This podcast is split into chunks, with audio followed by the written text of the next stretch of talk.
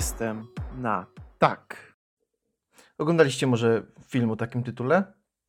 Jeśli nie, to uwaga, bo będzie spoiler i to całkiem spory. W dużym skrócie ten film opowiada o mężczyźnie imieniem Karl, w którego rolę wciela się chyba wszystkim znany Jim Carrey.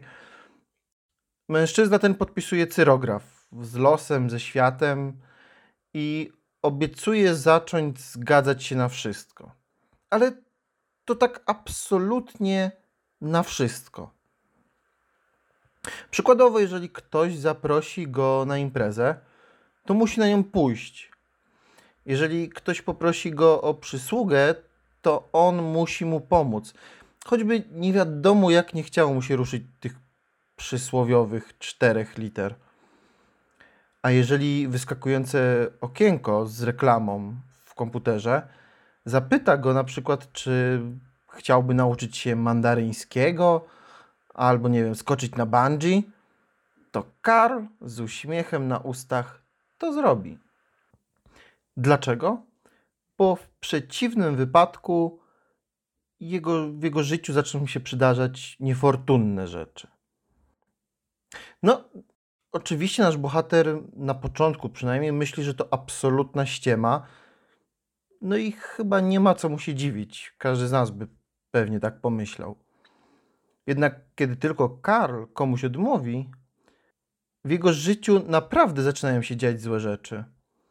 Więc siłą rzeczy zmuszony jest grać zgodnie z narzuconymi mu zasadami. Jest to zmiana w jego życiu o jakieś 180 stopni, ponieważ do tej pory był typem człowieka zdecydowanie na nie. Od kiedy Karl zaczyna być na tak, jego los całkowicie się zmienia. I oprócz często komicznych sytuacji, wpada w wir niesamowitych przygód.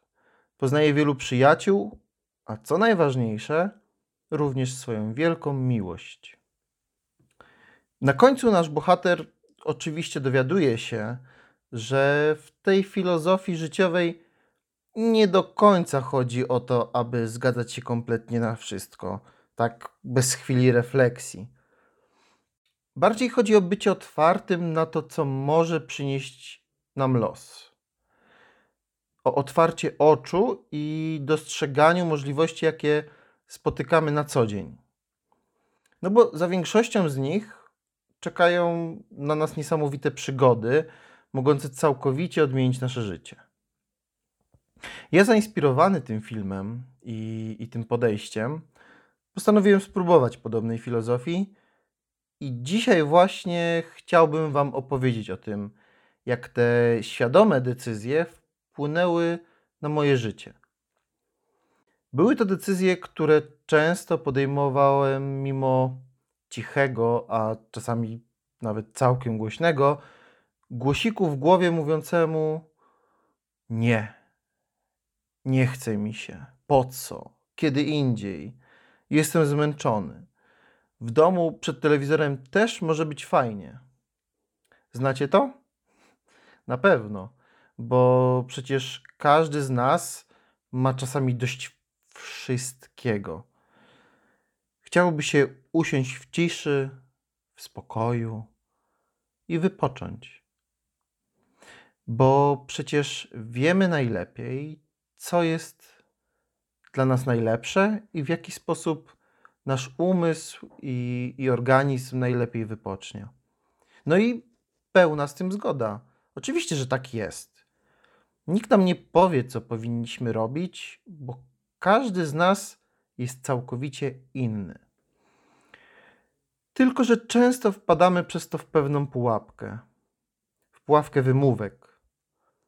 Kiedy to faktycznie to, co jest dla nas to najlepsze, jest zastępowane przez to, co jest dla nas tak po prostu najwygodniejsze. Oczywiście, że asertywność jest ważna, ale często stajemy się mistrzami w mówieniu nie, a ciężko nam powiedzieć tak. I cholernie ciężko jest zmienić ten stan rzeczy. Tak jak mówiłem, dzisiaj nie będzie o filmach, Dzisiaj pokażę Wam, jak próba walki z tym wygodnym podejściem wpłynęła bezpośrednio na mnie. Być może to nie dla Was, ale może jednak warto zaryzykować i uda mi się kogoś z Was zainspirować do chociaż jednego spontanicznego, niewykalkulowanego tak. Moją pierwszą taką decyzją nie było nic ekstremalnego. Nic, co miałoby wywrócić mój świat do góry nogami, ani co wymagałoby ode mnie jakiegokolwiek większego poświęcenia. Chodziło o najzwyklejszy wyjazd w Bieszczady, o którym zresztą marzyłem od dawna, bo uwielbiam chodzić po górach. No i można by pomyśleć, że to była najłatwiejsza decyzja w świecie. I przecież każdy by się zgodził spełnić swoje marzenie. Jednak jak zwykle diabeł tkwi w szczegółach. No a w tej konkretnej sytuacji to w kontekście. To był środek wakacji, wieczór. Ledwo parę godzin temu wróciłem z lasu, gdzie byłem na obozie harcerskim jako kadra. A po drodze jeszcze trzeba było rozpakować ciężarówki pełne obozowego sprzętu i tym podobne.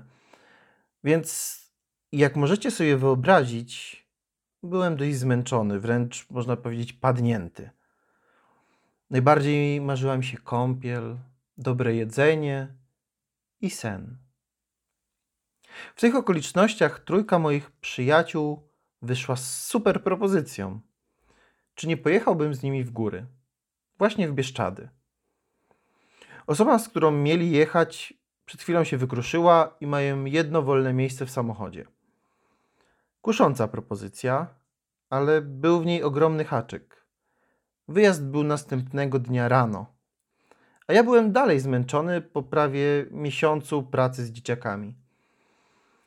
Wiedziałem jednak, że zdecydować muszę natychmiast. Znalazłem więc w sobie silną wolę, jeżeli tak to można nazwać. Stłumiłem okrzyki zdrowego rozsądku i powiedziałem tak. To jak przebiegł ten wyjazd nie ma już najmniejszego znaczenia dla, dla naszej dzisiejszej historii. Wróciłem z tego wjazdu szczęśliwy i wypoczęty. A co najważniejsze, miałem na koncie zrealizowane kolejne marzenie. Jednak najważniejsze, co dał mi ten wyjazd, to właśnie wiara w to, że warto mówić tak. Nagłym sytuacjom, które nas spotykają, okazjom, które do nas przychodzą. Szczególnie tym, które pozwalają nam spełniać te nawet najmniejsze marzenia. No dobra, ale dopiero się rozkręcamy. Kolejna sytuacja będzie trochę bardziej ekstremalna, a na pewno niosąca ze sobą dużo więcej potencjalnych konsekwencji. Jak część z Was wie od dawna, a część mogła się domyślić po poprzedniej historii, jestem harcerzem. Co 4 lata odbywa się światowy zlot harcerzy i skautów z całego świata pod nazwą Jamboree. W 2015 miejscem, gdzie on się odbył, była Japonia. Zlot ten gromadzi w jednym miejscu kilkadziesiąt tysięcy osób z każdego zakątka świata. Od Afryki przez Chiny, po Brazylię, no i Polskę. Z mojego chówca jechało około 40 osób, które decyzję o wyjeździe podjęli jakieś 3 lata wcześniej i ten czas mieli na przygotowania do tego. Ja niestety na uczestnika byłem już za stary, bo można nim być tylko do 18 roku życia. No a i kadrą wyjazdu zostali już inni instruktorzy. Kilka miesięcy przed planowanym wyjazdem do Japonii znalazłem na Facebooku informację, że dziewięcioosobowa grupa harcerzy poszukuje opiekuna. Szybko więc wykorzystałem sytuację i się zgłosiłem. Radość ogromna. Przecież pojadę do Japonii, do kraju samurajów, kwitnącej wiśni, no i pięknych świątyń. Hm. Tylko co jeżeli wydarzy się coś złego? Kiedy opadła fala euforii, zaczęły się wątpliwości. Przecież ja kompletnie nie znam tych dzieciaków, z którymi mam jechać. Co jeżeli któryś jest na coś chory? Albo nie wiem, nie będę potrafił nad nimi zapanować. Przecież jadąc jako ich opiekun odpowiadam za ich zdrowie i życie. Miałem 22 lata, jeszcze nigdy do tej pory nie byłem nigdzie dalej niż Chorwacja. Nigdy nie leciałem też samolotem, co już tworzyło pewien problem, bo ten lot, który mnie czekał, mój pierwszy lot, miał trwać kilkanaście godzin. Muszę szybko skompletować potrzebne rzeczy, zapoznać się z moimi podopiecznymi, zebrać wszystkie dokumenty i nadrobić wiedzę o tym wyjeździe, którą inni zbierali przez ostatnie trzy lata. Czyste szaleństwo. Nie no dobra. Nie będzie tak źle. Przecież to grupa znajomych, którzy są z jednego środowiska. Znają się od lat i ktoś musiał wyrazić zgodę na to, aby pojechali na drugi koniec świata.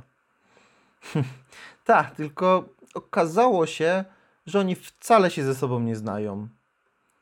Dla nich samych i dla ich rodziców ta decyzja była równie szalona co dla mnie. Jednak to ja musiałem uspokoić ich wszelkie wątpliwości i niepokoje, a przede wszystkim zadbać, żeby na pewno zabrali wszystko, co potrzeba i żeby nasz wyjazd przebiegł bezpiecznie. A przede wszystkim, żebyśmy wrócili z bagażem własnym i tym dodatkowym, pełnym szczęśliwych wspomnień. Jak widać na załączonym obrazku, żyję. Nie siedzę w więzieniu i wróciłem do Polski. Jednak to, co najważniejsze, to to, że zarówno ja, jak i moi podopieczni bawiliśmy się niesamowicie. Zwiedziliśmy piękny kraj i przeżyliśmy wiele niesamowitych chwil, do których często mam ochotę wrócić. Bardzo dużo z moich przygód ma swój punkt startowy w harcerstwie. W sumie jednak nie ma w tym nic dziwnego. Harcerstwo to ogromny kawał mojego życia, więc i kolejna historia jest z nim dość mocno związana. Moja drużyna harcerska przez kilka ładnych lat organizowała ogólnopolski zimowy rajd o nazwie Czarny Szlak.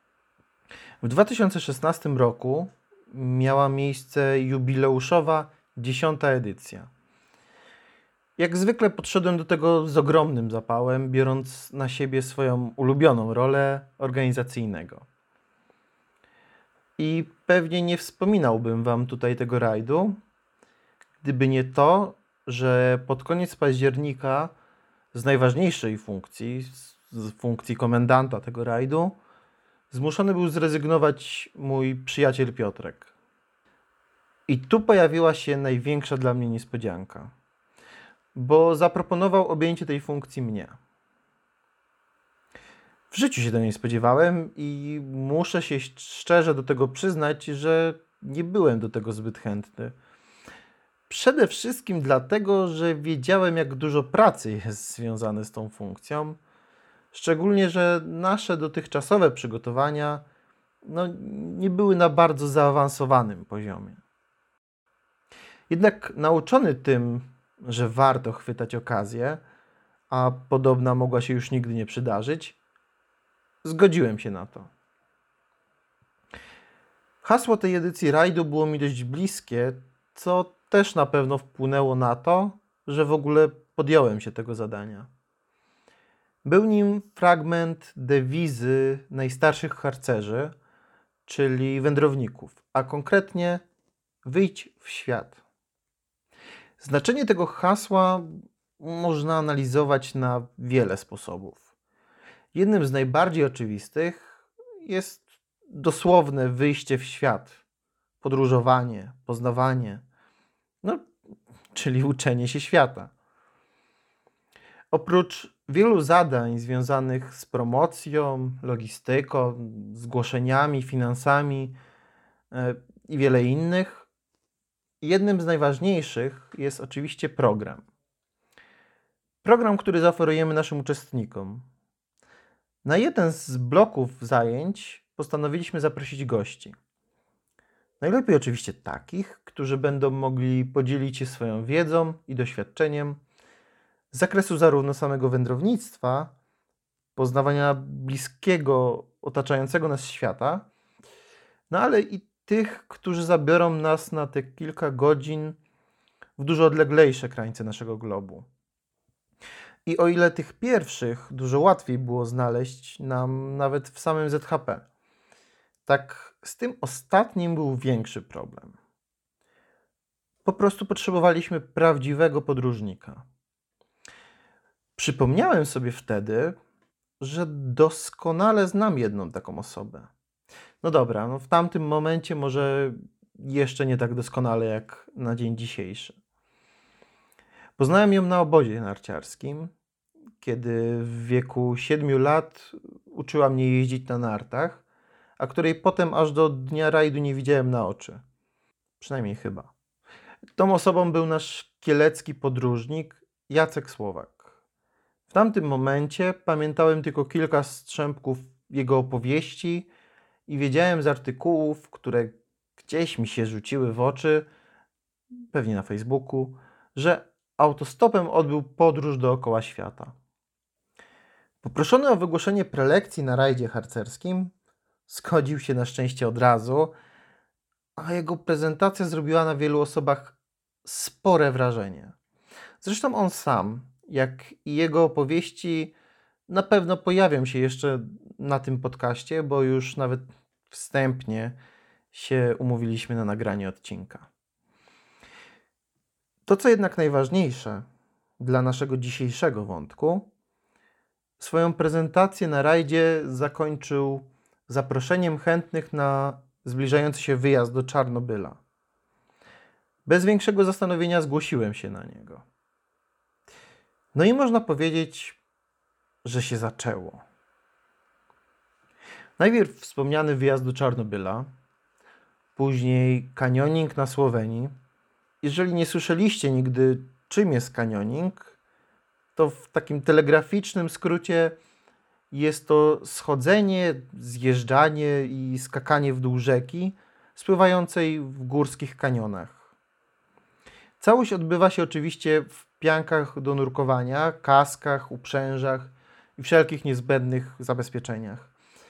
Nam dodatkowo towarzyszyło dwóch przyjaciół Jacka, ratownik Topru i ratownik Wopru. Co jednak najważniejsze, jest to niesamowita frajda, dająca mnóstwo trochę bardziej ekstremalnych wrażeń. Mogliście o tym sporcie nigdy nie słyszeć, przede wszystkim dlatego, w Polsce jedynym nadającym się miejscem do jego uprawiania są znajdujące się w Tatrzańskim Parku Narodowym Wodogrzmoty Mickiewicza. No więc oczywiście nie ma możliwości ich wykorzystania. No dobra, ale nie o kanioningu mieliśmy mówić. Więc był już Czarnobyl, był kanioning, a na horyzoncie pojawił się zarys przygody życia. Jacek z ekipą Stowarzyszenia Salutem już od dłuższego czasu planował wyjazd do Afryki. Mieli już zaplanowaną trasę, kupionego busa i przybliżony termin. A co najgorsze dla mnie, ekipę, która była już zadeklarowana na praktycznie cały wyjazd. Pojawiłem się po prostu za późno. Jednak nadal było kilka dwutygodniowych czy tygodniowych odcinków, na które mogłem do nich dołączyć, a potem wymienić je z kimś innym. No więc oczywiście od razu się na to zgodziłem. Jednak zanim Afryka, to całkiem odmienny kierunek podróży. Pamiętacie mój wyjazd do Japonii, o którym wspominałem parę minut temu? Jego konsekwencją było to, gdzie wylądowałem jeszcze przed Afryką. Na podobnym zlocie skautowym co w Japonii, tylko tym razem na Islandii. Tym razem jednak jako zwykły uczestnik, ponieważ był to wyjazd tylko dla osób pełnoletnich. Kiedy na Facebooku wyskoczyła mi propozycja tego wyjazdu, już nie miałem w głowie głosików o tym, że mi się nie chce, może innym razem. Wręcz przeciwnie. Bardzo, ale to bardzo mi się chciało. Ale spokojnie, moje wewnętrzne ja jest dość kreatywne. Tym razem były to głosy uświadamiające mi, że pojadę tam sam. Nie znając kompletnie pozostałych uczestników, a ja przecież nie lubię wychodzić ze strefy swojego komfortu i otaczać się tylko obcymi ludźmi.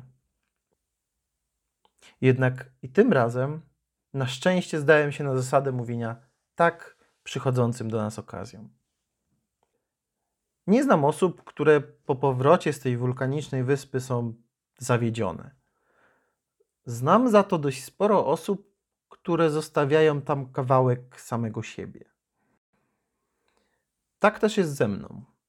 Islandia zrobiła na mnie ogromne wrażenie, które nie maleje, pomimo że już od kilku lat nie udało mi się tam wrócić. Planowałem spędzić na niej całe tegoroczne wakacje, ale niestety, jak wszystkie plany na 2020 rok, również ten uległ diametralnej zmianie. Teraz głęboko wierzę, że uda mi się w tym roku wrócić tam chociaż na kilka dni. No dobra, ale i nie o samej Islandii miał to być odcinek. Bardzo ważne dla dzisiejszej historii, a przynajmniej dla mnie z punktu widzenia tematu dzisiejszego podcastu, jest to, co zdarzyło się pod koniec mojej podróży dookoła tej cudownej wyspy. A mianowicie zadzwonił do mnie telefon. A ja po raz kolejny, idąc za głosem serca, powiedziałem tak. No dobra, brzmi to trochę jakbym, nie wiem, przyjął oświadczyny, ale na szczęście nie tego dotyczył ten telefon. Zadzwonił Jacek i zaproponował, żebym pojechał na całość wyprawy po zachodniej Afryce. Jedna z uczestniczek, mająca jechać na całość, no, się wykruszyła, no i mogłem wskoczyć na jej miejsce. Było to cudowne zrządzenie losu.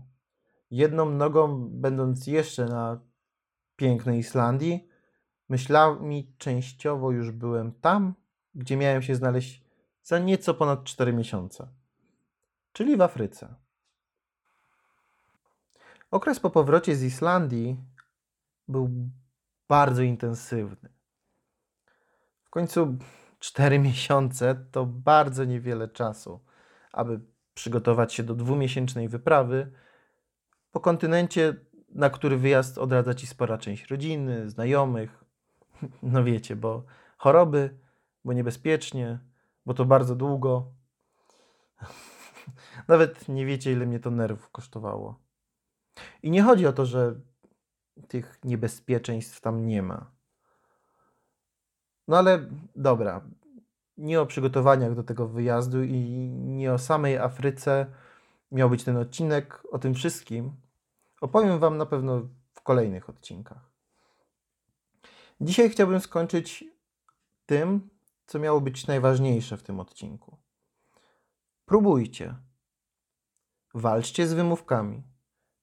Po prostu bądźcie na tak. No i róbcie to, co przybliży Was do spełnienia Waszych marzeń. No bo pamiętajcie, że marzenia się nie spełniają. Marzenia się spełnia.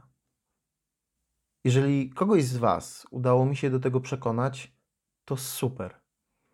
Jeśli kogoś z Was nie trzeba było przekonywać, bo sami już do tego dążycie, to jeszcze lepiej. Ja cieszę się, że mogłem sam sobie również podsumować to, co się działo w moim życiu w ciągu ostatnich lat. Dzięki magicznemu słowu tak. Bardzo Wam dziękuję, że dotrwaliście do końca kolejnego odcinka podcastu Hashtag Ucz się świata i mam nadzieję, że się podobało. Mówiłem dla Was ja, Ludwik. I zapraszam już za tydzień na kolejne spotkanie. A w międzyczasie możecie pooglądać moje zdjęcia z podróży na Instagramie. Świat według Ludwika. Do usłyszenia.